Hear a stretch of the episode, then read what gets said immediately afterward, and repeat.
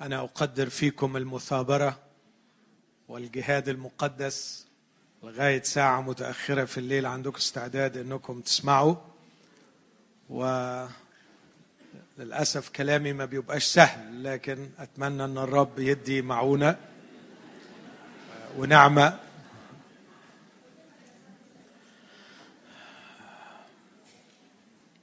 أنا على قلبي بعض الأفكار تحت هذا العنوان.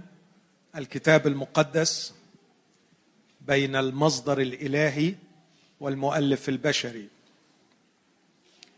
فالكتاب المقدس هو كلام الله أقوال الله كلمة الله.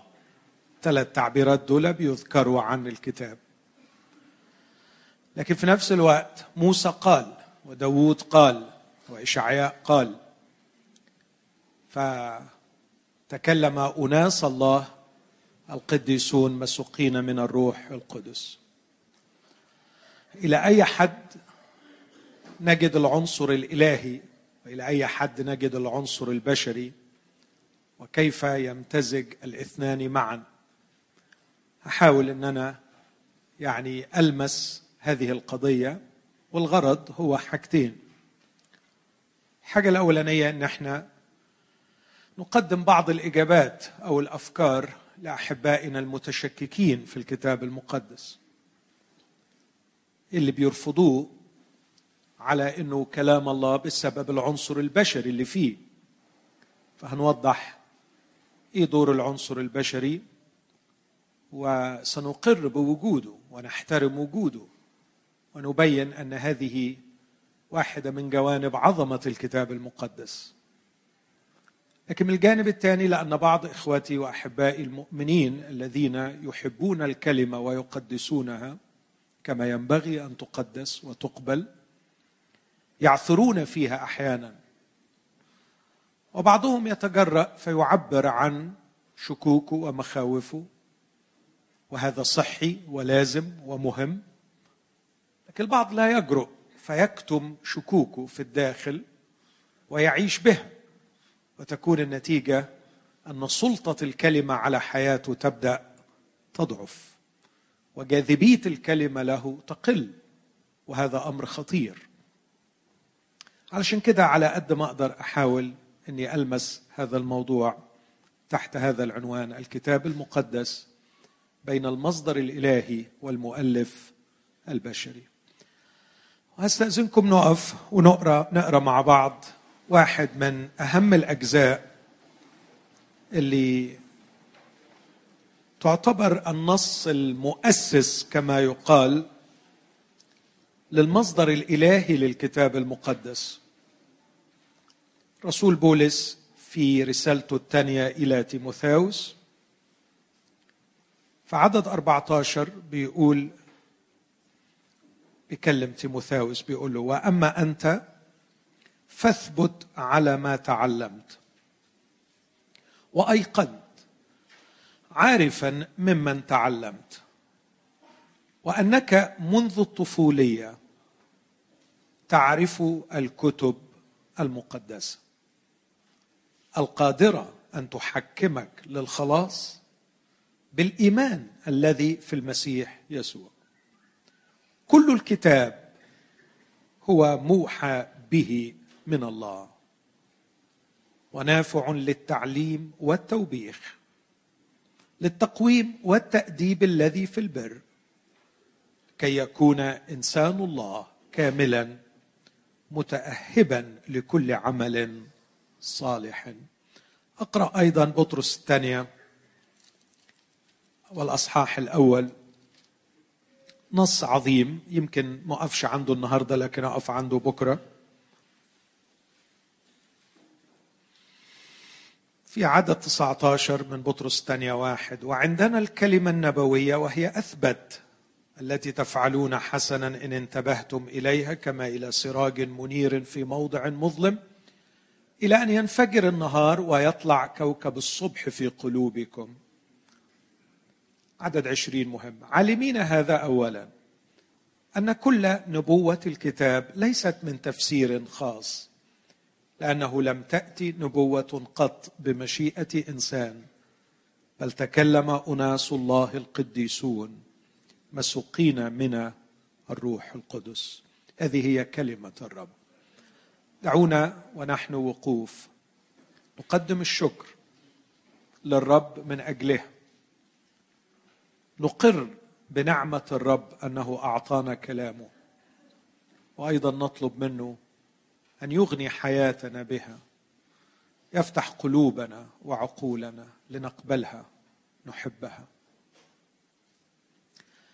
ربنا إننا نشتهي أن نكون من ضمن شعبك الذين على مر العصور أحبوها واغتنوا بها. أحبوها أكثر من الذهب والإبريز الكثير. اشتهوها وفضلوها على كل الغنى. ضمنا يا رب إلى زمرة هؤلاء الذين أحبوا الكلمة وشعروا بالغنى العظيم لأنها عندهم. واعطنا مع عبدك أن نقول فعلا بفخر عندنا عندنا الكلمة النبوية. فنشعر بعظمة ما عندنا. ربنا أعطي عبدك معونة وحكمة لكي أقترب بخشية واحتراس لهذه الكلمة العظيمة. أفهمها وأشرك إخوتي فيما تعطيني إياه. في اسم المسيح يا أبي. آمين.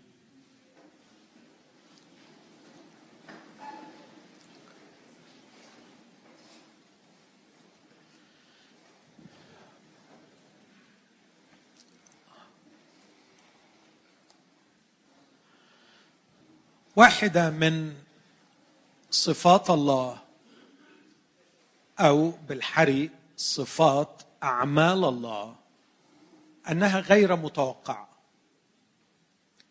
وهذا ما يليق بالله. الله كلي الحكمة لابد أن يكون غير متوقع. أسئلة كتير قوي من اللي الشباب كانوا بيسألوها. في الندوة. تسير في هذا الاتجاه. إذا كان الله يعرف ويعرف ويعرف لماذا فعل ولماذا سمح ولماذا قبل هذا وقبل ذاك في الحقيقة دائما الله يدهش. وكونه يدهش فهذا يعني أننا كنا لا نتوقع أن يتعامل بهذه الطريقة أو بتلك. والحقيقة لو حد تخيل إن الله هيبعت كتاب للبشر فأعتقد أن المتوقع المتوقع إن الله يختار شخص ويمليه الكلام. علشان يبقى الكلام اللي ربنا بيمله له هو كلام الله. أعتقد إن هذا منطق بسيط جدا. طبيعي جدا متوقع جدا. لو أعطي لي أنا أن أتخيل أن الله كلي الحكمة وكلي القدرة قرر أن يرسل كلاما للبشر فالأسلوب البسيط اللي هتخيله هو أن الله يختار شخصا معينا ويملي عليه هذا الكلام. لكن الحقيقة الكتاب المقدس ليس هكذا اطلاقا. بيفاجئنا الكتاب المقدس بما أسميه الحضور الطاغي للمؤلف البشري. فلغة الكاتب تختلف من كاتب لآخر وثقافة كل كاتب حاضرة بقوة في لغته وفي أسلوبه بل وحتى في اهتماماته الروحية أو اللاهوتية. فمثلا دانيال رئيس الوزراء يكتب في قضايا سياسية يهتم بتاريخ الإمبراطوريات والشعوب. بينما حسقيال الكاهن مشغول بعمق بالمجد الذي فارق الهيكل والمجد الذي سيعود إلى الهيكل. وعندما يصف أخطاء وخطايا شعبه يصفها بلغة الكاهن المشغول دائما بالطاهر والنجس فيختار أقصى التعبيرات ليصف قذارة النجاسة ويختار أيضا تعبيرات ليصف روعة الطهارة مأخوذة من القرينة الكهنوتية من عمله ككاهن في الهيكل. وعندما نقرأ لشخص كإشعياء في أجزاء كثيرة. يظهر السمو الملكي في الشعر الذي يكتبه وقوة العبارات وبراعتها. عندما تقرأ لعموس تجد فعلا أنك تقرأ لشخص راعي غنم وجاني جميز. حتى في ادانته للظلم الاجتماعي يستعمل تعبيرات قاسية تعبيرات قروية. جاية من القرية وقاسية جدا وغير متحضرة أحيانا وهو يصف مثلا النساء قائلا يا بقرات بشان. أسلوب لا يليق لكن هذا هو وضعه كشخص. هذه ثقافته وأعتقد أنه هذا كان متوقعا من شخص له خلفيته وعندما تقرأ لموسى في سفر التثنية ليس من الصعب ابدا أن تشعر أنك تقرأ لربيب قصور شخص كان في القصر يطلع على الشرائع وربما كان ضليعا في كتابة المعاهدات الملكية ممثلا للقصر الملكي. فيكتب العهد الإلهي بين الله وشعبه بلغة قانونية سياسية. الدراسات تؤكد أن هذه اللغة كانت هي لغة عقد المعاهدات أو العهود بين الشعوب بعضها وبعض وبين الملوك أحدهم مع الآخر. اذا باختصار المؤلف البشري أو العنصر البشري سواء في اللغة أو الثقافة أو الاهتمام أو الخلفية واضح كل الوضوح. وهذا أيضا يتضح في العهد الجديد. فمن الواضح مثلا أن كتابات بولس تختلف كل الاختلاف عن كتابات مرقس أو عن كتابات بطرس. والأسلوب المنطقي لدارس الفلسفة الشخص الذي تربى في طرسوس وكانت طرسوس من أقوى المدارس الفلسفية بعد أثينا ما اندثرت أو الشخص الذي تربى عند رجلي غملائيل. كتلميذ ضليع في الناموس يقتبس في روميا 65 اقتباس من العهد القديم. فتلاقي في روميا أنت أمام مزيج غريب من تلميذ غملائيل الذي يعرف جيدا كل تفاصيل الشريعة فيقتبس 65 مرة من الناموس. وبين هذا الشخص الذي يستعمل الأسلوب الفلسفي في المحاجه الذي يسير فعلا بطريقة عجيبة من بما أن بما أن بما أن. اذا هذا المزيج يتناسب جدا مع شخصية بولس الرسول. بل أكثر من هذا تشعر في كثير من كتاباته أنك تقرأ لشخص روماني.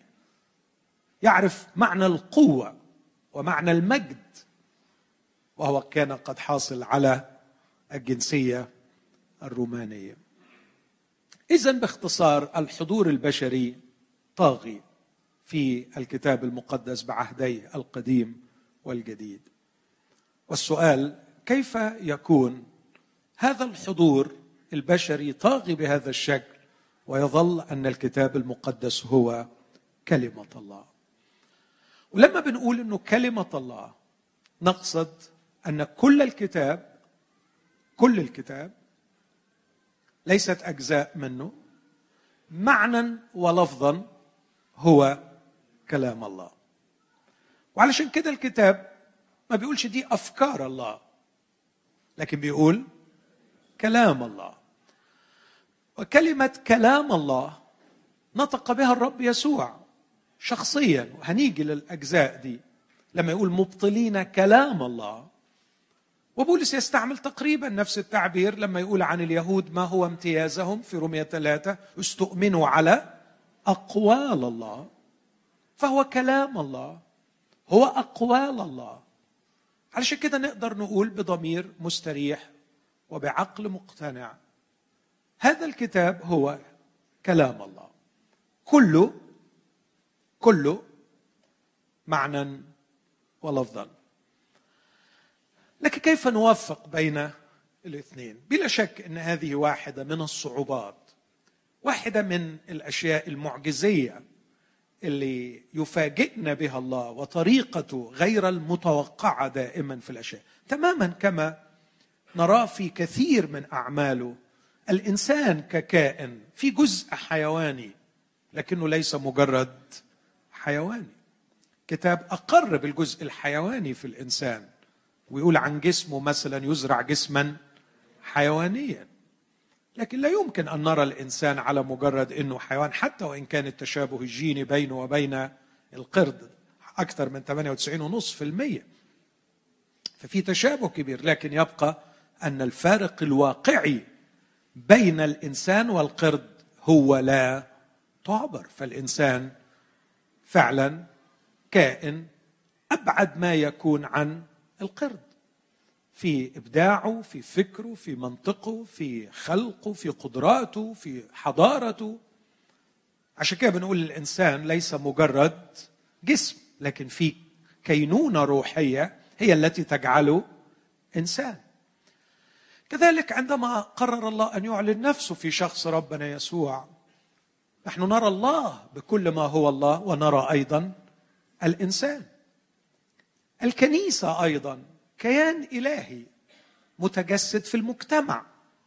فتجد أن كنيسة كورنثوس هي كيان إلهي لكن أفراد الكنيسة يحملون طابع ثقافة مدينة كورنثوس. وبالتالي لما بيقعوا في خطايا بيقعوا في الخطايا بتاعه كورنثوس.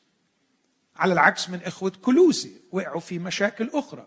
فالكنيسة كيان إلهي لكن متجسد في مجتمع.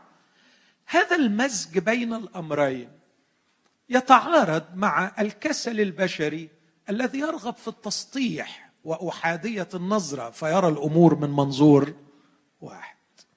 ما بنحبش التعقيد. بس كتير بندور على العمق. وبعد ما ندور على العمق نشتكي من التعقيد. وده خطأ. إذا رغبنا في العمق فعلينا أن نتسلح بنية بذل الجهد لكي نفهم أمور الله. أمور الله ليست بسيطة لكنها بلا شك عندما نغتني بفهمها ننمو بقوة.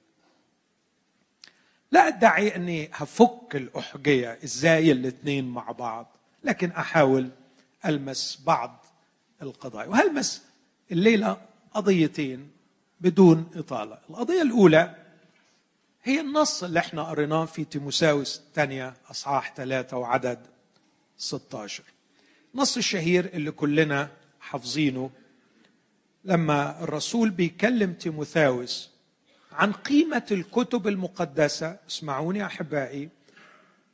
قيمتها ودورها في مشروع الخلاص. فالكتب المقدسة لها دور في مشروع الله للخلاص.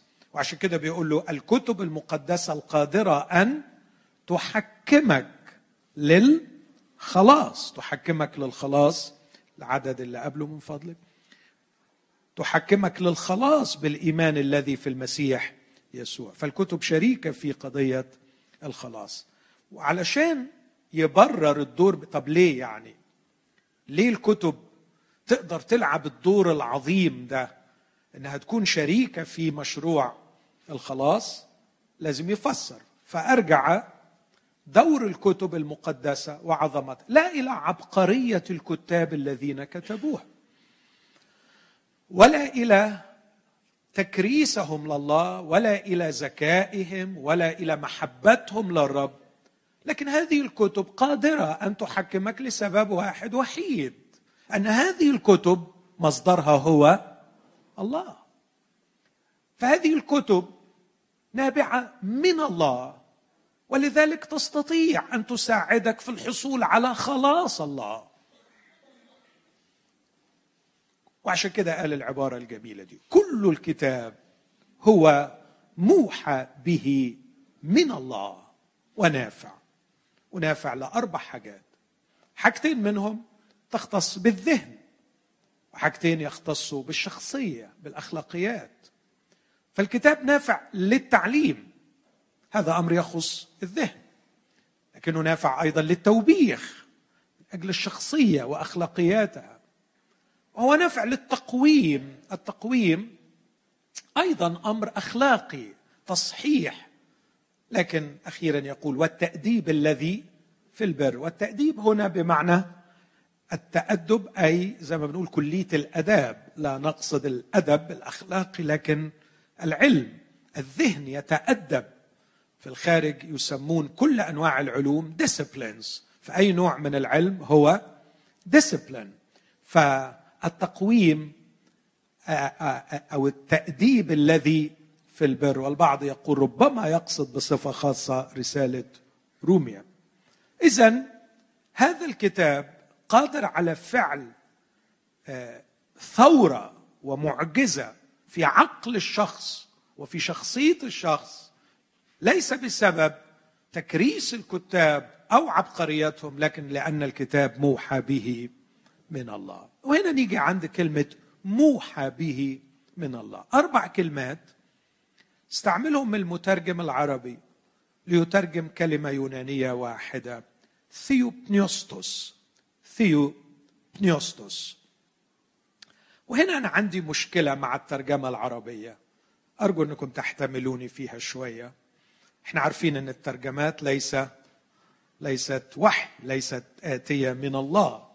لكن الترجمات من الممكن إن يكون فيها مشاكل. وأنا شايف إن الترجمة هنا عاملة مشكلة شوية. أحاول إن أنا ألمسها لمسا خفيفا على قد ما الطاقة تحتمل. موحى به من الله الكلمة اليونانية θεόπνευστος θεο يعني الله πνευ يعني نفخة وآخر ثلاث حروف τος اللي هي T O S استعملت في العهد الجديد 75 مرة لما بترتبط بالله تعني أنه منتج إلهي أنه شيء مفعول به هو منتج أنتجه الله. ثيو الله بنيو نفخة والصيغة النهائية تخلينا نقول إن هذا الكتاب هو نفخة الله هو منتج خارج من الله. وبلا شك الله ليس عنده رئتين علشان ينفخ فما أقدرش أفهمها بطريقة حرفية. لكن لما يقول هو نفخة الله يعني باختصار وببساطة شديدة مصدره ومنشاه هو الله. هذا الكتاب خارج من الله. حتى الكلمة انسبيريشن بالإنجليزي مش دقيقة لأنه لا تتكلم عن الخروج لكن ممكن تتكلم عن تنفس. لكن الكلمة هنا لا تعني التنفس لكن تعني أنه شيء خرج من الله. يعني لو مصر على استعمال inspiration دي أقول expiration حاجة طالعه من ربنا. فببساطة شديدة كلمة موحى به من الله. خدها كده باختصار. هذا الكتاب خارج من الله جاي من الله. هو نفخة الله. هو خلق إلهي.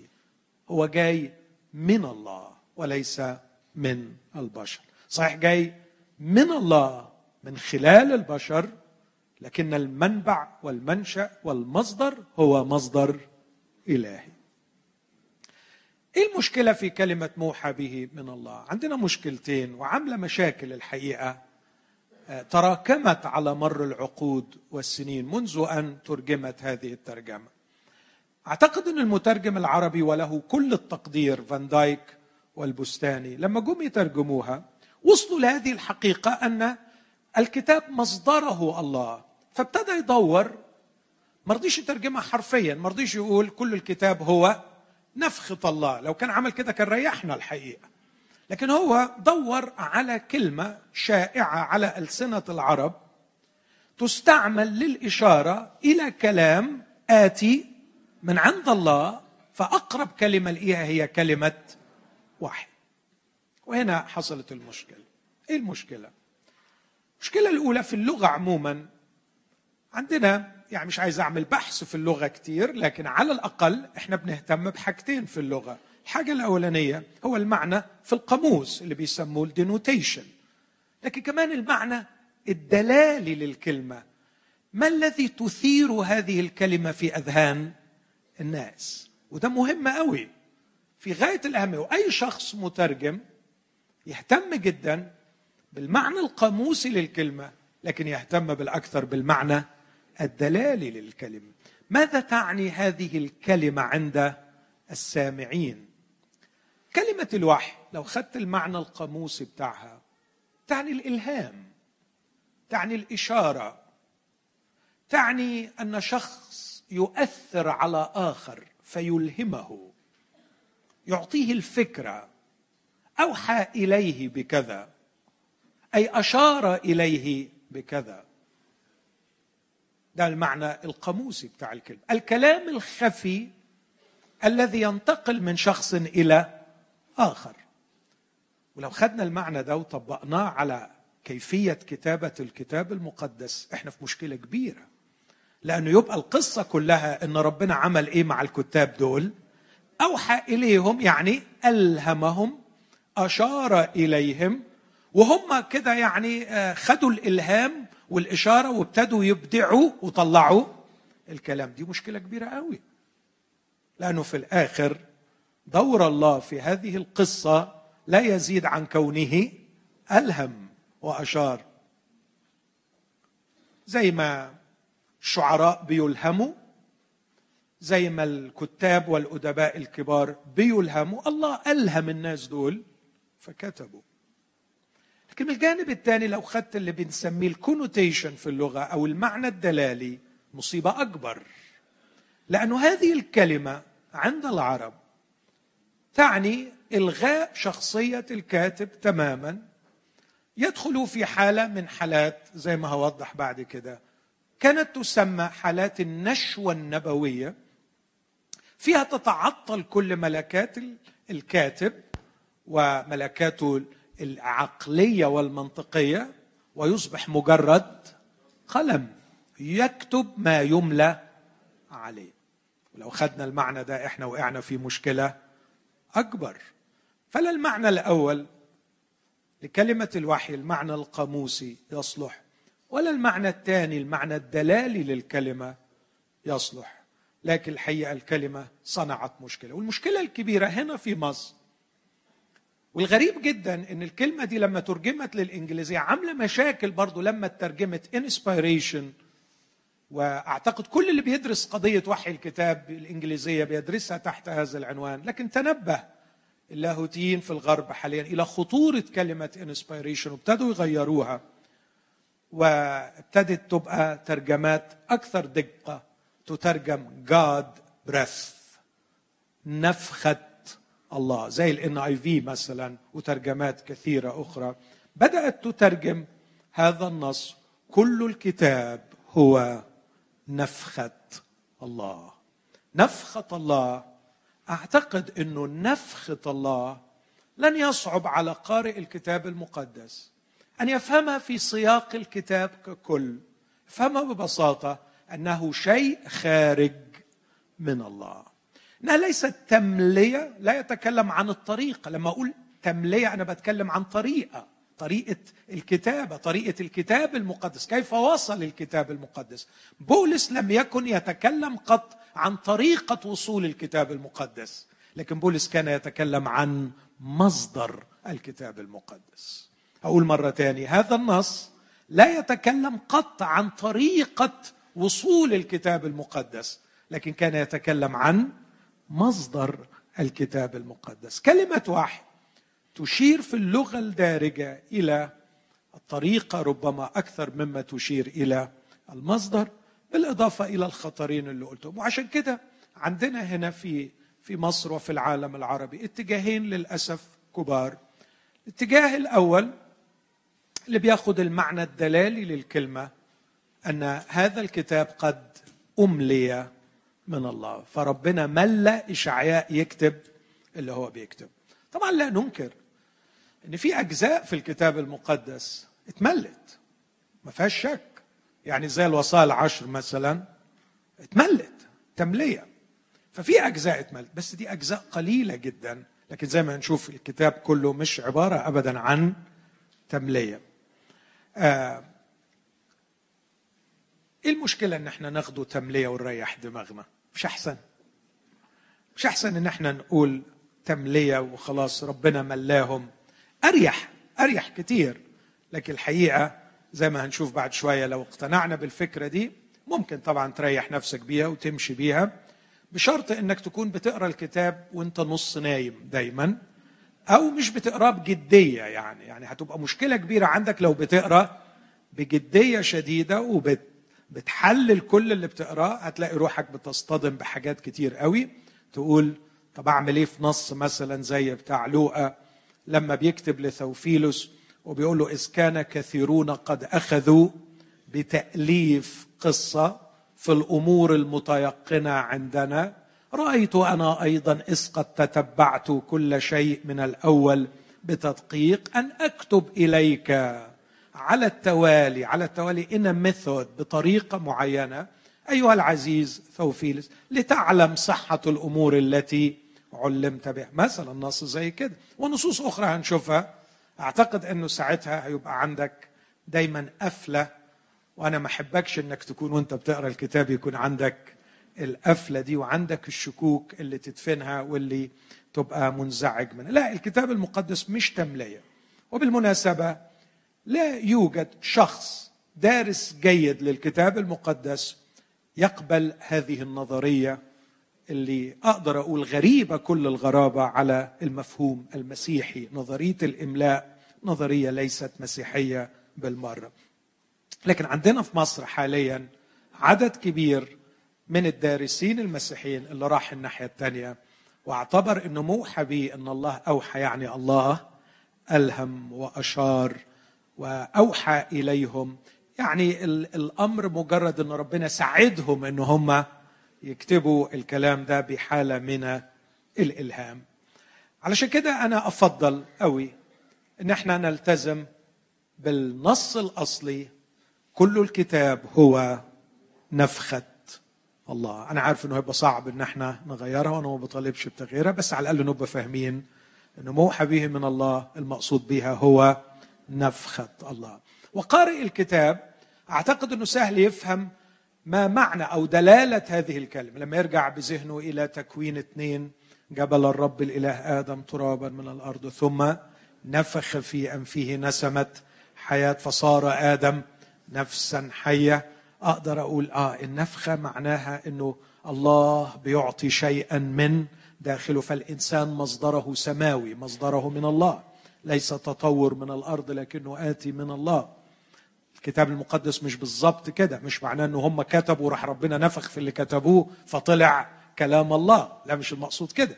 لكن على الأقل بنفهم إن في عنصر إلهي في مصدر إلهي. لما الرب يسوع وقف في يوحنا عشرين في العلية وسط التلاميذ عمل إيه لو تفتكروا؟ نفخ كان يؤسس للخليقة الجديدة كان يعطي شيئا. من عنده. عشان كده أقول الخليقة الجديدة مصدرها المسيح المقام. الإنسان مصدره الله. الكتاب المقدس مصدره الله. كل الكتاب هو نفخة الله. لكن لما بنقول إن الكتاب المقدس هو كلمة الله على طول بتيجي بعض الافتراضات الخاطئة اللي ممكن تعمل لنا بعض المشاكل. أنا همر على خمس افتراضات وأحاول أن أنا أصححهم علشان ما نصطدمش بيهم علشان أحبائنا اللي بيدرسوا الكتاب آه، وبيتشككوا فيه من بره أو عندهم تساؤلات يعرفوا أن إحنا واخدين بالنا لهذه الافتراضات وأن هذه الافتراضات لا تتعارض مع كون الكتاب المقدس هو كلمة الله. أنتوا افترضتوا افتراضات خاطئة لكن هذه الافتراضات الخاطئة إحنا بنحاول إن إحنا نرد عليها. بما أن الكتاب هو كلمة الله فهذا يعني أن كل ما جاء فيه جاء بإعلان خاص من الله. إحنا عارفين إن في فرق بين إعلان الله وبين كتابة الكتاب المقدس. الإعلان في الإعلان العام في الخليقة والتاريخ لكن في كمان الإعلان الخاص لما ربنا كان بيعلن لانبيائه بيظهر لناس في أحلام في رؤى إنه بيبعت ملاك يتكلم دي بنسميها إعلانات خاصة. لكن في من الإعلانات الخاصة ربنا قصد إنه يتكتب لكي يحفظ لكل الأجيال وهكذا جاء الكتاب المقدس. فالبعض بيتصور إنه لأن الكتاب هو كلمة الله كل جزء فيه جاء بإعلان خاص من الله. ده غير حقيقي. الله أعطى الإعلانات الخاصه لكن في أجزاء من الكتاب المقدس جاءت بطرق أخرى. مثلا جاءت كتأريخ عملية تأريخ لواقع حادث. يعني ما أقدرش أقول أن لوقا كتب سفر الأعمال بإعلان من الله. يعني ربنا كان بيعلن له اللي بيحصل وهو مش شايفه لكن لوقا كان موجود. وشايف ويقول كنا ورحنا وركبنا السفينة ونزلنا وطلعنا. فما كانش يعني بيسجل رحلة بولس وهو قاعد بعيد كده وبعدين في حلم ربنا كشف له أو في رؤية ربنا كشف لكن كان واحد عايش الواقع وعمال يسجل. بس خلي بالك وهو بيسجل هذا الواقع كان مسوقا من الروح القدس علشان التسجيل اللي بيسجله في الآخر يبقى جزء من كلمة الله. واخدين بالكم من الفرق؟ هذا الكلام من الله مصدره الله لكن مش بمعنى إن ربنا خد له على جنب في حتة معزولة وقعد يكشف له إيه اللي مر بيه بولس في سفر الأعمال وابتدى هو يكتب من وراء ربنا. لا ده راجل كان عايش الحدث وبيكتبه. اذا كان جزء من الكتاب المقدس هو تأريخ لواقع حاصل. لكن كمان أحيانا كان بيكون تسجيل لتاريخ محفوظ شفويا عند الأجيال المتعاقبة. أعتقد إنه جزء كبير من سفر التكوين موسى كتبه بهذا الشكل. كان موسى يسمع من أمه وكانت امه بنت لاوي وكان لاوي يسمع من يعقوب ويعقوب سمع من إسحاق وإسحاق عاشر سام عشر سام. و وسام سمع من نوح ونوح سمع من آه، متشالح ومتشالح سمع من آدم وهكذا. فكان التقليد ينتقل من جيل إلى جيل لدرجة إنه من أول يعني آدم لغاية آه، موسى خمس أجيال بينهم. فكان الله يسمح بطول الأعمار لكي تظل القصة تتوارث ومعروفة. وواحد من أصحاب أيوب يشير إلى هذا فيقول الكلام الأصلي يوجد عندي. إيه الكلام الأصلي؟ الكلام الذي سمعناه وتوارثنا. وهذا يفسر الأساطير المنتشرة في العالم كله. كان هناك كلام ينتقل شفويا من جيل إلى جيل لكي يكون عند البشر كلام من عند الله. لكن بلا شك هذا الكلام تشوه مع الأيام وعلشان كده كان لابد من كتاباته. الكتابة بقى تضمن إنه الكلام اللي هيتكتب هيكون مصدره الله ويتكلم ويكتب موسى مسوقا من الروح القدس فيشيل من الكلام كل الحواشي وكل الإضافات التي أضيفت عليه. لكن جزء كبير من اللي موسى كتبه كان سمعه من التقليد الشفوي. بل إن البعض بيقول رأيه وأنا ما عنديش مانع ابدا فيه إنه كان في مكتبة أون في مصر في أربعين ألف لوح مكتوب بالكتابة المسمارية اللي كانت مكتوب عليها قصة الخلق وقصة الطوفان.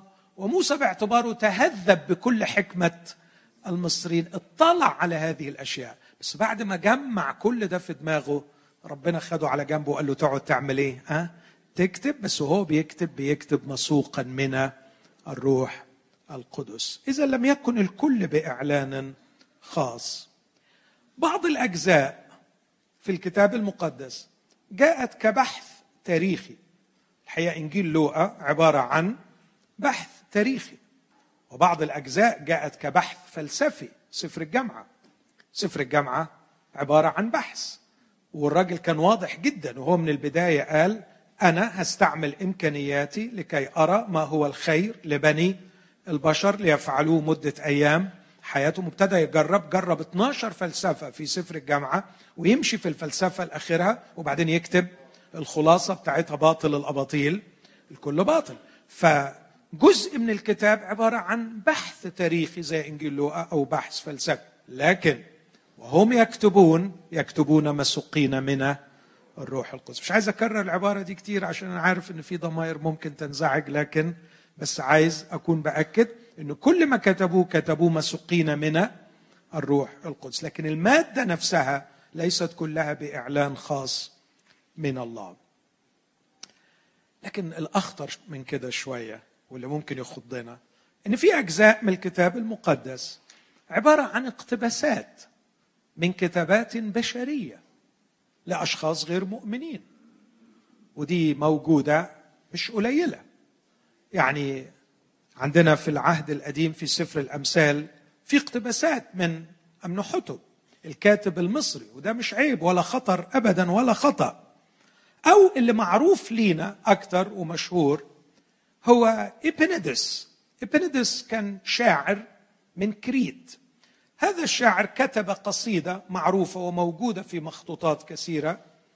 كتب القصيدة إلى زيوس الإله في الثقافة اليونانية. يقول له صمموا وبنوا لك قبرا أيها القدوس العالي. وكان يتكلم عن شعبه الكريتيين. فبيقول لزيوس هم عملوا لك قبر أيها القدوس العالي. لكن الكريتيون دائما كذابون. وحوش ردية بطون بطالة. فأنت يا زيوس لست بميت. أنت الحي الباقي إلى الأبد لأننا بك نحيا ونتحرك ونوجد.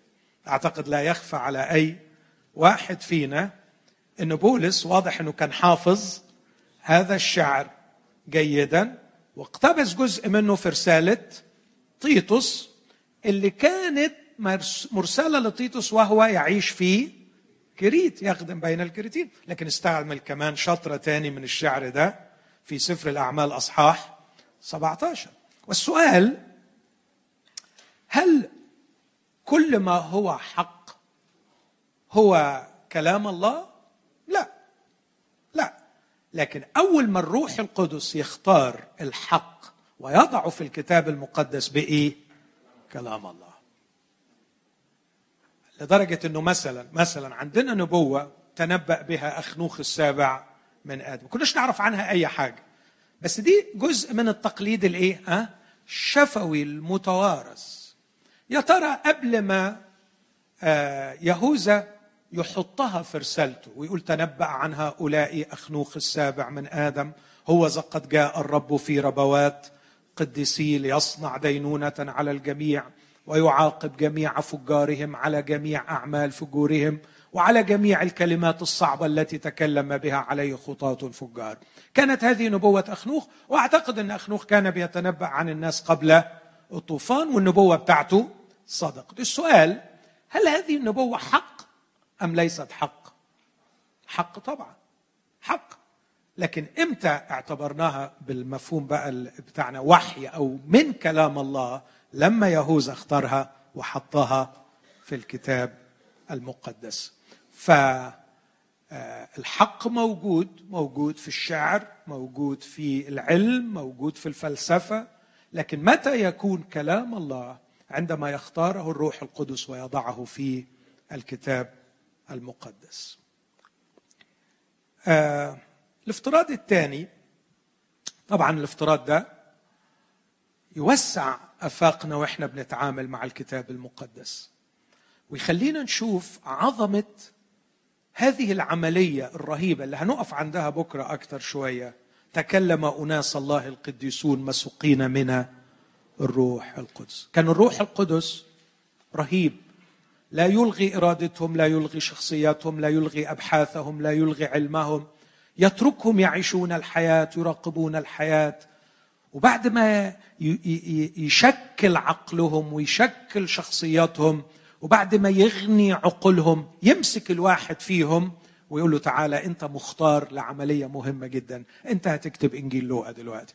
أو انت هتكتب سفر الجامعة دلوقتي. ويبدأ يكتب وطول فترة الكتابة طول ما هو بيكتب مسوقا من الروح القدس. محمول حملا كاملا.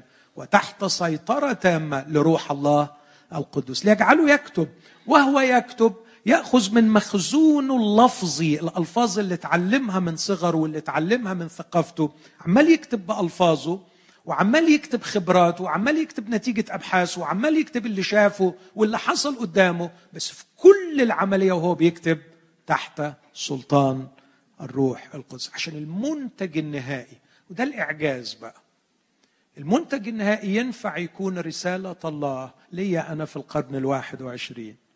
وأتعجب جدا إن في حاجات زي ما هنشوف حاجات تبدو بسيطة قوي لكن غريبة في فاعليتها الإلهية. لو لم تكن هذه القصة التي سجلها أو هذه الجملة التي سجلها لو لم تكن سجلت في الكتاب المقدس ضمن هذا الإطار الكبير كان ممكن أي واحد يقراها ملهاش أي لازمة ولا ليها أي تأثير علينا. يعني هذه القصيدة التي اقتبسها بولس لأننا به نحيا ونتحرك ونوجد اقراها لإبندس مستقلة عن القرينة بتاعتها في أعمال 17 في محاجة بولس العظيمة. ما تأثرش فيك ولا تجيب التأثير اللي الروح القدس بيجيبه على الرغم من أنها عبارة حق وإلا ما كان الروح القدس قد صادق عليها. الافتراض الثاني بما أن الكتاب المقدس هو كلمة الله فكل كلمة فيه قد نطق بها الله. الإجابة لا. إحنا ما بنقولش كده اطلاقا. نعم نؤمن إلى النفس الأخير أن الكتاب المقدس هو كلمة الله. وتكلم أناس الله مسوقين من الروح القدس. لكن مش معناه كده ابدا إن كل كلمة فيه نطق بها الله. بالعكس إحنا ممكن نلاقي في الكتاب آراء شخصية للرسول بولس. والراجل كان واضح وصريح وقال أقول أنا لا الرب. أنا اللي بقول مش الرب. يبقى مش كل الكلام اللي هنا نطق به الله. لكن كلام الله ولا مش كلام الله؟ كلام الله. ليه كلام الله؟ لأن الله كان مشرف على بولس وهو يكتب هذا الكلام ليكون كلام بولس رسالة الله لنا. فهو كلام الله لنا. وإن كان الله لم ينطق به ليس هذا فقط بل يحتوي على نظريات خاطئة لسليمان النبي. سليمان النبي بيقول الإنسان يموت والبهيمة تموت ومحدش عارف ده بيروح فين. الكلام ده صح ولا غلط؟ غلط 100% ما تخافش قول غلط. ما تخافش. الكلام ده غلط. موجود في الكتاب المقدس؟ آه موجود في الكتاب المقدس. هل نطق به الله؟ لا. هل هو كلام الله؟ آه. هو كلام الله. كيف يكون كلام الله؟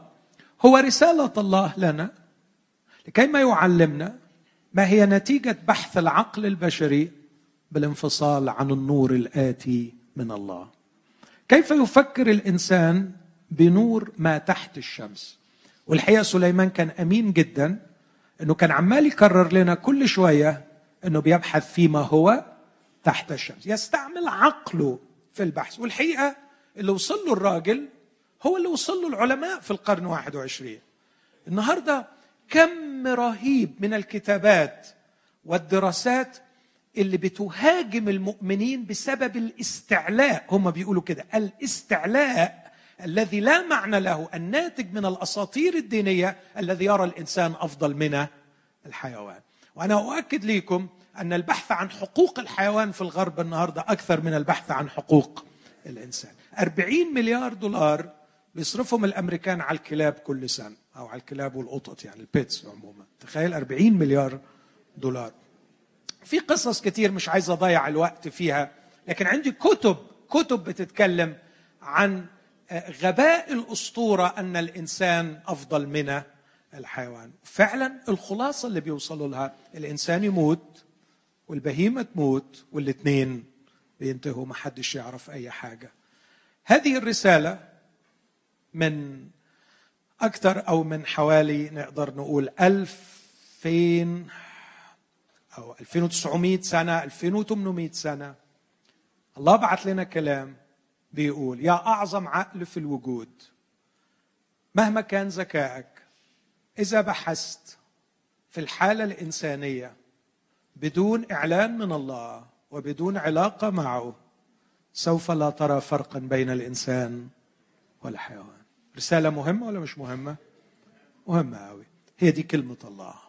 وأنا محتاج أتعلم كلمة الله. كلمة الله لها سلطان عليا بتقول لي يا ماهر لو بحثت في الحالة الإنسانية بدون نور الإعلان الإلهي هتساوي الإنسان بالحيوان. وأدي سليمان عملها وأدي الدليل والخبرة تم إجراء البحث تم إجراء التجربة وتم تسجيلها. لكن سليمان طبعا في النهاية ابتدى يفوق لما عمل كل البحث بتاعه وجرب الفلسفات راح كاتب الخلاصة لأنه كانت نتيجة كئيبة جدا. بعد ما يخلص يقول باطل الأباطيل كل باطل. لكن في الآخر كتب خلاصة البحث اسمع ختام الأمر كله. في بعض الترجمات الإنجليزية take the conclusion. وأي بحث علمي أي شخص عارف أنه لازم ينتهي بالخلاصة بالكونكلوجن والخلاصة كانت اتقي الله. واحفظ وصاياه لأن هذا هو الإنسان كله. اتق الله يعني أقم علاقة معه. وكأنه عايز يقول إن إنسانية الإنسان تقوم على العلاقة مع الله. والنهاردة في أبحاث لاهوتية فعلا بتقول إنه الإنسان إنسانيته مش شيء يعني آه، اتعمل فيه لكن لمجرد وجوده في علاقة مع الله. الكتاب المقدس ليست كل كلمة فيه نطق بها الله. يحتوي على آراء شخصية لبولس يحتوي على نظريات خاطئة لسليمان يحتوي على أقوال لاهوتية خاطئة لأصحاب أيوب. ليس بشهادتنا نحن أو بتحليلنا لكن بشهادة الرب نفسه. الرب يقول لهم لم تقولوا في الصواب كعبدي أيوب. يا طب وده كلام الله ولا مش كلام الله؟ كلام الله. صح ولا غلط؟ غلط. معلش ما هي لخبطة شوي. بس علشان نفهم طبيعة الكتاب المقدس. هذا الكلام غير صحيح. لكن الله قصد أن يسجله لنا. طب إيه الغرض؟ هناك غرض عظيم من وراء. ليه؟ ليه سحقوا صاحبهم؟ ليه قالوا الكلام ده؟ تحليلات كثيره قوي لكن عندنا يقين كبير إن الكلام بتاعهم في الآخر ما كانش صح لدرجة أن الرب طلب منهم أنهم يروحوا لأيوب علشان أيوب يصلي من أجلهم وإلا الرب هيعاقبهم على الكلام الغلط اللي هم قالوه. أنا أقف وقفة بسيطة هنا لما أقعد أحلل وأقول طب هم ليه قالوا كده؟ للأسف الشديد أن العقل البشري مكون ومعتمد على ما نسميه الكوزاليتي أو على السببية. أنت يا أيوب تعاني من بلوى مرة يقينا لها سبب. ونحن لابد أن نعرف السبب. لأنه لو لم نعرف السبب نحن سنعيش في خطر. لو أنا مش عارف السبب أبقى دايما مهدد إنه ممكن يحصل لي اللي حصل له. فأفضل طول عمري خايف. فأفضل شيء إني أخلق لهذه البلوى سبب. والسبب المنطقي إن أكيد أنت وحش. عشان كده حصل لك اللي حصل لك. الحكاية دي بتأمني أنا تماما. الراجل ده عايش البلوه دي لأنه وحش. أنا مش هبقى وحش فمش هدخل في البلوه دي. خلصت. كده اتحلت. الراجل ده بيعاني لأنه وحش. أنا مش هبقى وحش. يبقى أنا ضمنت إني مش هعاني. قد إيه سفر أيوب عظيم؟ لأنه بيسحق هذه النظرية الغبية. بيسحق هذه النظرية الغبية. وقد أنا مديون للرب. إن الرب سابهم يقولوا الكلام الغلط علشان يعلمني هذا الدرس. وعشان كده هو ده كلام الله ليا. كنت محتاج لرسالة الله ليا لكن رسالة الله النابعة من طين البشر النابعة من الواقع الطبيعي للبشر اللي بيفكروا وبيحللوا وبيتفلسفوا. وبعدين ربنا يقول لي إيه الصح وإيه الغلط. فسابهم. وأيوب طبعا يا حرام كان هيتجن يقول لهم يا جماعة النظرية بتاعتكم غلط. أنا مش وحش. آه صحيح أنا مش يعني مش كامل. أنا مش يعني ما بس يعني ما, ما استاهلش اللي بيحصل فيا ده. يعني ده مش متناسب معايا يا جماعة شوفوا لكم نظرية تاني. آه دماغنا مش جايبة غير كده. انت بتعاني لأنك وحش. إحنا مش هنبقى وحشين فإن شاء الله مش هنعاني. وانت ما قدامكش غير حل واحد تتوب عن الوحاشة بتاعتك. يا اخوانا طب أنا مش لاقي وحاشة أتوب عنها. طب أعمل إيه؟ أموت روحي. يا ريت يموتني ويخلصني. وفي النهاية الله يكشف لنا حماقة هذه النظرية.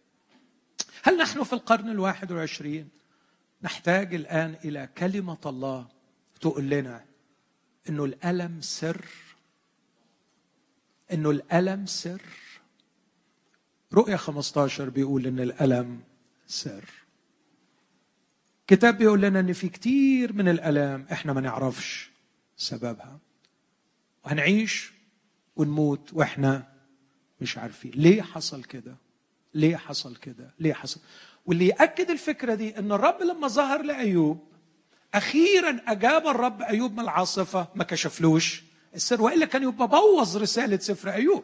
لأن هو رسالة سفر أيوب في الآخر إنه هل يمكنك أن تثق في صلاح الله حتى حين لا يكشف لك سر الألم؟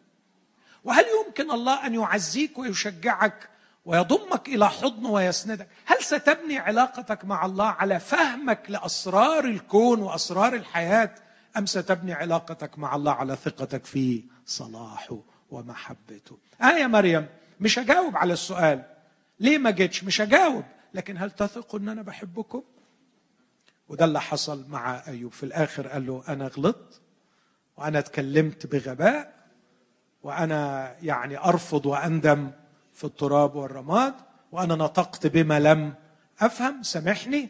طب عايز إيه دلوقتي؟ أنا عايزك بس تعزيني. اتكلم وأنا أسمع. لأني آه، بسمع الأذن سمعت عنك. أما الآن فقد رأتك عيناي. أنا أنا سعيد بيك. أنا شايفك ومبسوط. طب ما أنت لسه ما خلصتش من البلوه اللي أنت فيها. خلاص مش مهم البلوه دي. المهم إن أنا شفتك وده كفاية علي. هذه هي رسالة سفر أيوب.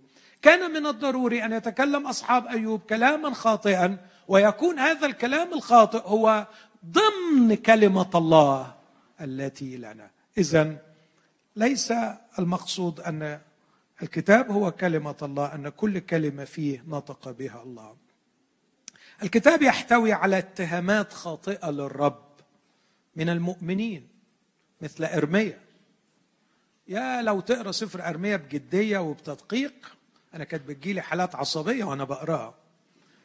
الراجل إرميا بيقول لربنا أنت خداعا خدعت هذا الشعب. بصوا الجرأة قد إيه؟ بجد كنت بتغاظ. عيب ما يصحش. ما تقولش لربنا إن أنت خدعت أنت خدعت هذا الشعب. بيقول له كده أنت خداعا خدعت هذا الشعب. وحبقوق حبقوق غضبان جدا من ربنا. بيقول له أنت ما تسمعش. وبعدين أنت بقى عندك توليرانس للشر. أنت بتشوف الشر والظلم وقابل وساكت. وهناك اتهامات خاطئة لله من غير المؤمنين. اقرأ سفر ملاخي. قلتم قلتم قلتم وكل الكلام اللي بيقولوه كلام شرير خطأ. لدرجة ربنا يقول لهم حبيتكم يقولوا له بما احببتنا انت ما حبتناش ولا يحزنون. آه فين الله؟ وفين إله العدل؟ وفين وفين؟ اتهامات خاطئة. الكتاب يحتوي على صلوات انتقامية في سفر المزامير. لا يليق بنا أن نصليها. طب امال إيه لازمتها؟ ليها لازمة كبيرة. هذا هو حال البشر تحت الناموس.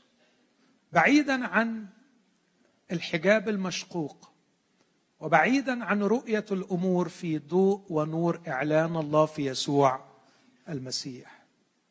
هذا هو القلب البشري تحت الناموس.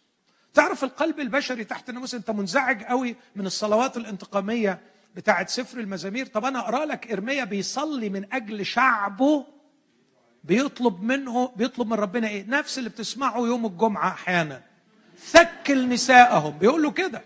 ثكل نساءهم ويتم أولادهم. بيقول له ربنا كده. تخيل. وده نبي الله. بس اتزنق منهم وعملوا فيه عمايل وحشة فراح مفضفض ومطلع الصلوات دي. لكن زي ما سمعنا من الأخ يوسف امبارح انه قبل المسيح ما حدش قال يا أبتاه اغفر لهم. لكن بعد ما المسيح قالها على الصليب فيه كتير ابتدوا يقولوها. أشهرهم وأولهم هو استفانوس وهو يقتل. يا رب لا تقم لهم هذه الخطيه أعتقد إنه ده كان مهم جدا إنه يسجل علشان يورينا أن الناموس لا يستطيع أن يخلص. وأن الإنسان تحت الناموس لا يمكن أن يرتقي إلى المستوى الذي يريده الله. الناموس عاجز. الناموس لا يستطيع أن يغير قلب الإنسان. الناموس كل اللي يقدر يعمله قصاد قساوة قلب الإنسان إنه يخليه يطلق. طب ليه تخليه يطلقها؟ ما تغير قلبه ويحن عليها يقول لك ما أعرفش. مش شغلتي أنا. الناموس عاجز. والكتاب قال كده ما كان الناموس عاجزا عنه. كانش يقدر يرتقي اخلاقيا بالإنسان إلى المستوى الذي يريده الله. عشان كده هذه الصلوات الانتقامية هي كلمة الله. كلمة الله التي تكشف قلب الإنسان وهو تحت الناموس حتى لو كان مولود من الله. حتى لو كان مولود من الله. الكتاب المقدس به شرائع. في العهد القديم اسمعوني في العبارة دي لا تعبر عن قلب الله. لكن كان لابد أن توضع. بمعنى زي اللي أشرت إليها من شوية طلاق مشرع في العهد القديم واللي يطلق مراته يديها كتاب طلاق. بعدين الرب يسوع قال لا ما تطلقوش. إيه ناسخ ومنسوخ؟ لا ما فيش عندنا ناسخ ومنسوخ. طب أمال إيه؟ قال لهم موسى أذن لكم أن تطلقوا لسبب قساوة قلوبكم. لاحظوا أحبائي لو كان قد أعطي ناموس قادر أن يحيي لكان بالحقيقة البر بالناموس. لكن هل الله أعطى الناموس عشان يحل مشكلة الخطية؟ لا. النقطة دي جوهرية ومهمة. ناموس لم يعطى لكل البشرية ناموس لم يعطى لكل التاريخ. لكن في حتة صغيرة بقعة معينة ناس مزنوقة في حتة 200 كيلو متر كده ربنا اداهم الناموس علشان يورينا إنه أسمى قوانين لن تنجح في أن تغير قلب الإنسان وجاب يعني أفضل ناس ولاد إبراهيم وحطهم تحت الناموس علشان يتبرهن ويتأكد بالتجربة العملية أن الناموس غير قادر على أن يغير قلب الإنسان. طيب عندك ناس عايشين بلطجية ومجرمين وأشرار. هتحط لهم ناموس، الناموس اللي هتحط لهم طبعا يا دوب بس تقلل الشر بتاعهم، يعني انت ما بتحلمش انك تغيرهم بس على الأقل تقلل حجم الخسائر، فيعني بدل ما يموتها يقول له طلقها، يعني ما لو ما طلقهاش ممكن يجيب أجلها. فأحسن إن هو يطلقها. يعني ما ما ما, ما يقدرش يقول له حب عدوك. هو ده اللي في قلب ربنا. اللي في قلب ربنا إن إحنا نحب حتى أعدائنا لكن ما يقدرش يقول واحد بلطجي حب عدوك لكن أحط له قانون أقول له عين بعين وسن بسن والقاضي يحكم بالعدل. زي بتخيل مثلا إنه في ناس بسبب القبح والتشويه والضياع راحوا بنوا منطقة عشوائية بشعة جدا. كل عوامل القبح فيها الدولة شفقت عليهم فدخلت وابتدت تقنن الموضوع شوية. بس بتقنن وضع قائم. فعمالة تظبط دي وتظبط دي وتظبط دي وعملت يعني آخر ما عندها. المنظر بإيه أفضل شوية بعد عشرين سنة واحد دخل المنطقة دي. يقول إيه الحكومة الغبية دي؟ بقى ده بنا تبنيه. بقى ده منظر تعمله. فين الأمخاخ علشان تعمل حاجة زي كده؟ يمسكوا واحد ويقول له يا عمي أنت ما تعرفش. اولا مش هم اللي بنوه. ده هو الإنسان اللي عمله. بس كان لابد إنها تتدخل تعمل إيه؟ ها؟ أه؟ تظبط تحاول تحقق أفضل ما يمكن في هذا الوضع السيء. الناموس أعطي لا ليبرر ولا ليحرر.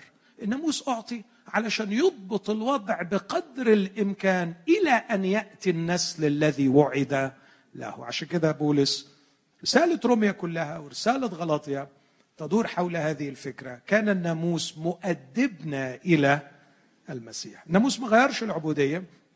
الناموس ما غيرش حاجات كتيرة خاطئة لأن الناموس مش معطى لكي يغير الواقع البشري المؤلم. الكتاب المقدس يحتوي على كلمات إهانة لله مثل كلمات ربشاقي بل ويحتوي على كلمات الشيطان نفسه. مش كده؟ في أجزاء كثيرة بتسجل لنا أقوال للشيطان نفسه وهي جزء من كلمة الله. وأعتقد ده أكثر شيء يشرحها. الله أرادني بكلمة منه أن أعرف كيف يفكر الشيطان. يا قد كنت هبقى محروم من نعمة عظيمة. لو ما كانش ربنا سجل لي كلام الشيطان في سفر أيوب بص كده لما يقول له أمجانا يتقي أيوب الله أليس لأنك سيكت حوله؟ دي فيها رسالة شيطانية رهيبة. أنت لا تستحق في ذاتك أن تعبد. أنت أوعى تفكر أنك تتحب. وأنك غالي على قلوبهم لدرجة يعبدوك. أنت مجرد إله بتعرف ترشي خلائقك. وبسبب أنك بترشيهم هم بيمشوا وراك. يا يا مجرم. طب أنا كنت أعرف منين الأفكار الشريرة دي؟ وهو ممكن يحاربني بنفس الأفكار دي؟ آه, آه ممكن. عشان كده كنت محتاج كلمة من الله تقول لي إن دي أفكار الشيطان. فالكلمة كلمة الله لكن المحتوى كلام مين؟ كلام الشيطان. افتراض ثالث واختم بيه علشان الوقت مر. واكمل بكرة. بما أن الكتاب هو كلمة الله اسمعني جيدا من فضلك. فهي ببساطة شخص يتكلم من خلال آخر. الشخص الأول هو الله يتكلم من خلال الأنبياء. وهؤلاء الأشخاص لم يكونوا إلا أقلاما تكتب ما يملى عليهم. ده المفهوم اللي بيجي لنا إنها كلمة الله. اسمعوا أحبائي هنا هقتبس. هذا تقليد معروف من الديانات الكنعانية القديمة وعند اليونانيين القدماء. كانوا يتكلمون عن حالات النشوة النبوية وعن آلهة الشعر التسعة المسؤولة عن إعطاء البشر الأفكار والأغاني. وفي هذه الحالة اسمع يقول فيلو وده رجل يهودي عظيم تتوقف كل الملكات العقلية للنبي ولا يكون لديه أي تحكم في نفسه. إن النبي في الحقيقة يكون في حالة سلبية تامة حتى وإن بدا أنه هو الذي يتكلم. هذا لأن أعضاء الكلام لديه تكون كلها في حالة خضوع تام لغيره. ده تصور اليونانيين والكنعانيين والهلينيين أيام فيلو فيلو ده يعني تقدر تقول حوالين القرن الأول للميلاد ده تصورهم عن فكرة الوحي. وأعتقد ده يفسر لنا اللي إحنا بنسمعه ما معنى الوحي. لكن هذا المفهوم الوثني بعيد كل البعد عن الكتاب المقدس وعن اللي إحنا شفناه. أنا أمر بسرعة مش هدخل في تفاصيل أكثر وأخلص الافتراضات دول علشان بكرة أقول طب إزاي تبقى كلمة الله البعض يتصور لأنها كلمة الله فهي لا تعنى إلا بقضايا كبيرة كقضايا الإيمان والخلاص والدينونة والأبدية. أتذكر في مرة واحد آه، مش هقول اسمه كان بيتريق على الكتاب المقدس في برنامج تلفزيوني ويقول شوية جوابات شوية جوابات. فيعني طالما إنه كلمة الله يبقى لا يعنى إلا بالأمور الكبيرة. لكن الواقع بتاعنا إن الكتاب بيهتم بأمور عجيبة وصغيرة مثل رداء بولس الذي تركه في ترواس يا معقول كلمة الله وكتاب جاي من الله مهتم بالراجل البردان في السجن وباعد بيطلب من تيموساوس يقول له هات لي الرداء عارفش الرداء ده كان يسوى كام ساعتها يعني رداء بولس. لكن يسجل في كلمة الله. أتذكر المقولة المشهورة إن أعظم أمورنا صغيرة أمام قدرته وأصغر أمورنا عظيمة أمام محبته. أمور صغيرة قوي قوي قوي قوي قبل ما أنزل الاجتماع ابنة عزيزة بعتالي رسالة مؤلمة للغاية بتحكي فيها مشكلتها وبعدين بتقول لي في الآخر أنا متأسفة باخد من وقتك. أنا عارفة إن دي أمور صغيرة. كسرت قلبي وبعت لها قلت لها أوعي تفكري إنه أمور صغيرة. ما يكسر قلبك لا يمكن أن يكون امرا صغيرا. اما القلب الله يبقى شكله إيه قلب الله مشغول ببولس البردان في السجن. وأن يرسل لكي يستحضر رداء ده أمر يسجل فيه كلمة الله. واو! ده يشجعني قوي يشجعني قوي إنه لما يبقى عندي أمور صغيرة قوي قوي قوي أقدر أصلي من أجلها؟ وأقدر أتكلم مع ربنا من أجلها؟ آه أقدر أتكلم بقلبه وأقول له يلي سجلت في كتابك. في كتاب هو نفخة الله. كنت فيه مشغول برداء بولس. أنت مش كتير عليك تهتم بأموري الصغيرة جدا. وحذاء بطرس وهو طالع من السجن مش كفاية قوي إنك هتنجيه ده كان هيتذبح. يمشي حافي يمشي حافي بس المهم إن هو يطلع يقول لا أحسن إزازة ولا حتة ما كانش في إزاز يمكن ولا حاجة تعوره في الطريق لا البس البس الحذاء بتاعك ويهتم الملاك بأن يلبس حذاءه. إعداد منزل لبولس عشان لما يروح يزور فيليمون في كلوسي يكون عنده مكان ينزل فيه يقول له أعدد لي منزلا. رسالة فيليمون كلها على بعضها حكاية عبد هربان سارق سيده هيرجع. الروح القدس يعمل جزء من كلمة الله. إخوتي هذه هي كلمة الله. حلاوة كلمة الله وروعة كلمة الله. أنها تعرف إنسانياتي وتعرف ضعفي وتعرف احتياجاتي وتهتم بأصغر أموري. أصغر أمور تفاصيل حياتي الصغيرة لذلك أحب هذا الكتاب. ليس الذي يتكلم من برج عاجي بكلمات كبيرة عن قضايا خطيرة ويهمل أموري الصغيره إيه رأيكم في كتاب كتاب الله؟ أصحاح كله سلامات. مش دي حاجة تغيظ برضو؟ كتاب الله كتاب الله اللي فيه يوحنا 17 أو يوحنا 17 ده كلام الله. لكن عايز تقول لي إن روميا 16 كلام الله؟ وسلموا على تريفينا وسلموا على تريفوسا وسلموا على برسيس. لا وإيه تريفينا وتريفوسا؟ تعبوا لكن برسيس تعبت كثيرا في الرب. يعني خلاص زنقت قوي اللي تعبت واللي تعبت كتير. وإحنا بنحكي على مصاطب هنا. لا بالعكس. هذا الأصحاح يفيض بالتعاليم المباركة ليا لما أقرأ الأصحاح ده وأشوف تقدير الرسول بولس للرجل وتقديره للمرأة. تقديره لمن تعب ولمن تعب كثيرا. وأهمية السلام على المؤمنين. سلموا بعضكم على بعض بقبلة مقدسة. إنها كلمة الله لأنها حوت هذه الأمور. الصغيرة. وأخيرا أقول البعض يتصور لأنها كلمة الله فعندما كتب أناس الله المسوقين من الروح القدس ألغيت محدوديتهم وتحولوا إلى سوبر هيومن بينج علشان يقدروا يكتبوا. لا كانوا بشر عاديين وهم بيكتبوا. لم يتغيروا ليصبحوا أشخاص خارقين. قبل ما الروح القدس يسوقهم وبعد ما الروح القدس سقهم وهم كمان تحت قيادة وسلطان الروح القدس هم بشر عاديين. والروح القدس يسوقهم لكي ما يكون المنتج النهائي هو كلمة الله. لكن ترك في مواقف كثيرة قوي بشرياتهم الطبيعية جدا تبان.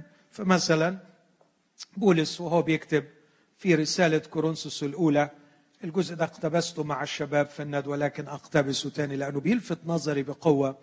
بولس بيقول أنا يا جماعة ربنا ما بعتنيش لكي أبشر لكي أعمد بل لأبشر. بعدين بيقول أنا أشكر الله في عدد 14 إني لم أعمد أحدا منكم إلا كريسوبس وغايس. حتى لا يقول أحد إني عمدت باسمي. بعدين افتكر قال لا. وعمدت أيضا بيت انت مش لسه قايل لم أعمد أحدا آخر؟ افتكرت إيه المشكلة يعني؟ افتكرت. وعمدت أيضا بيت إستفاناس. وبعدين كده وبعديها يقول إيه؟ لما لقي العملية كده يقول عدا ذلك لست أعلم هل عمدت أحد آخر. أحسن يطلع لي واحد تاني فأنا يمكن. طيب أنت فين يا روح الله؟ ليه ما تلغيش المحدودية بتاعته دي وتقول له يا بولس أنت عمدت بيت إستفاناس؟ اكتب من الأول. وما تقولش أنا لست أعلم ما ينفعش أنك تقول لست. لا لم يلغي محدودياتهم. علينا أن نفهم طبيعة هذا الكتاب. وعشان كده هناك بعض الأخطاء النحوية. ما عندناش أي مشكلة في الأخطاء النحوية في اللغة اليونانية لأنه ربنا ما قصدش أنه يخلي يوحنا ضليع في اللغة اليونانية بس قصد أن يوحنا يوصل لنا كلمة إلهية يوصلها بخطأ في النحو ومن غير خطأ في النحو. مش دي القضية خالص ما عندناش أي مشكلة. لما يجوا يوصفوا الطبيعة مثلا يوصفوها باللغة الشعبية العادية. يعني الشمس خارجة. يجي واحد يقول لك إيه الكلام معقول؟ معقول الشمس خارجة؟ إحنا عرفنا دلوقتي إن الأرض هي اللي بتلف مش الشمس هي اللي بتلف. أقول لك وأنت لما بتسمع نشرة الأخبار الراجل بتاع النشرة الجوية بيقول والأرض ستدور حول الشمس ولا بيقول الشمس أشرقت؟ يقول الشمس أشرقت. لغاية النهارده في القرن 21 شروق الشمس ميعاده كذا وغروب الشمس يعني الحركة حركه مين؟ طب وهي فعلا علميا حركة الشمس؟ لا بس دي اللغة الشعبية اللي الناس هتفهم. بيها الراجل ده مش واقف علشان يقدم يعني علم الفلك ويدي محاضرة. الراجل عايز الناس توصل لها رسالة. الرب يسوع بيقول لهم حبة الخردل وهي أصغر جميع البذور. يقول لك بس مسكناه. حبة الخردل مش أصغر جميع البذور حبة الأوركايد هي أصغر جميع البذور. نقول لهم يا اخوانا الرب يسوع كان بيكلم ناس في الجليل. عايز يوصل لهم رسالة إن الحاجة الصغيرة البسيطة جدا لكن ممكن تبقى حاجة عظيمة. إيه أصغر حاجة ممكن يعرفوها؟ حبة الخردل. آه لو كان الرب يسوع وقف في محاضرة في مدرج كلية العلوم عشان يقدم درس في علم البوتاني في علم النبات. أكيد ما كانش هيقول حبة الخردل هي أصغر جميع البذور لكن لما يقعد يكلم ناس عايز يوصل لهم رسالة أن الشيء الصغير جدا يمكن أن يكون شيئا عظيما.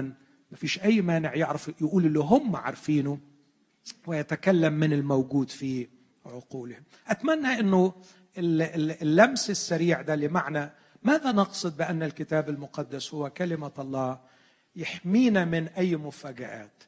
افتح صدرك كده واقرأ الكتاب بحرية وبفرح ما تخافش من الحاجات اللي أحيانا يعني تطلع لك يمين ولا شمال ولا واحد تايه على الفيسبوك ومش لاقي حد يقرف فيه يقرفك ويقول لك آه، كلمتين وكأنه يعني كانت تايهة ولقيها ويقول لك الكتاب فيه والكتاب فيه لكن اعلم أن كلمة الله أسمى وأعلى وأعظم من كل تصور سخيف وساذج عنها. صحيح كان الأسهل نتوقع أن ربنا يملي واحد كلام كبير لكن سيظل الله دائما يدهشنا بطرق غير المتوقعة وكتابه لا يقل اعجازا وعظمة عن الخليقه وكما تظل الخليقة تقذفنا بمفاجآتها سيظل أيضا الكتاب. وكما أن الخليقة معقدة الكتاب لا يقل تعقيدا كظاهرة ويحتاج أن نتعب لكي نفهمه لكن كما نعيش بخيرات الخليقة دون أن نفهم كل أبعادها نعيش بخيرات هذا الكتاب نحيا بكل كلمة تخرج من فم الله. خلونا نقف وإحنا بنرنم مع أخونا ناصف. خلونا نقدم الشكر للرب لأجل الكلمة وأقول له يا رب أنا فعلا وأنا ده الإحساس اللي نفسي يوصل لك. آه غمض عينك ما تنشغلش بحاجة. إحنا خلاص دقيقة ثلاث دقائق بالظبط وهنخرج. نفسي كده إنك آه، تشعر بالغنى إن عندك الكتاب المقدس. تبقى فرحان.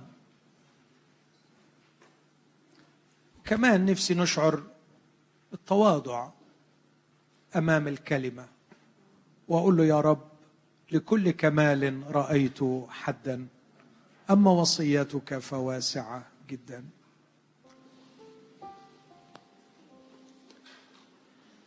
خلينا نشعر بعمق الكلمة غنى الكلمة اتساع الكلمة ونطلب من الرب فهما ونعمة كل الكتاب هو نفخة الله. هذا الكتاب هو عطية الله لنا. خلونا نشكر الرب لأجله ونطلب منه أن يسكنه بالغنى في قلوبنا.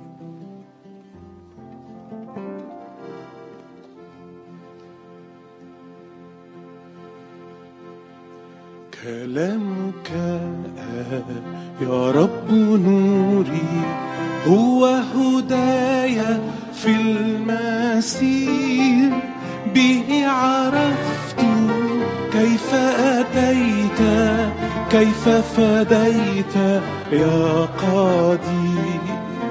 به عرفت كيف أتيت كيف فديت يا قاضي.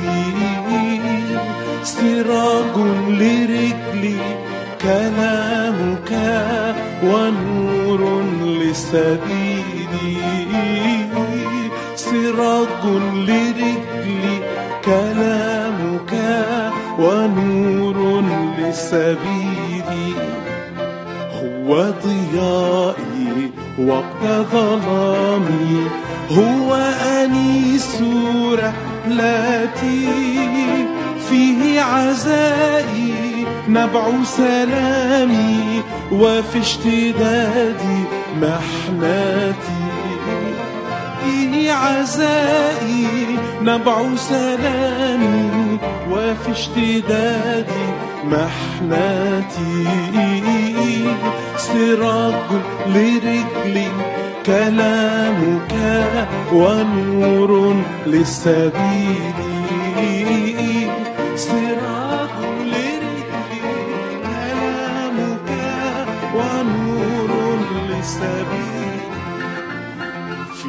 غذائي فيه حياتي فيه طعامي للأيام فيه رجائي عند سقوطي غفران ذا الفادي مقام فيه رجائي عند سقوطي غفران ذا الفادي مقام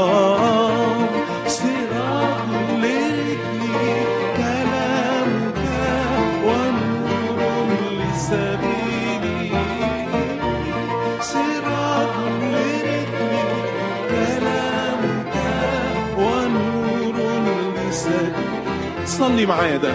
ساعدني حتى أخبي أن كلامك في داخلي. فلا أعود أختي إليك بل يشهد لك حبي. فلا أعود أختي إليك بل يشهد لك حبي.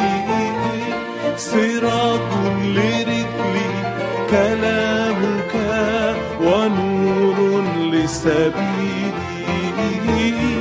سراج لرجلي كلامك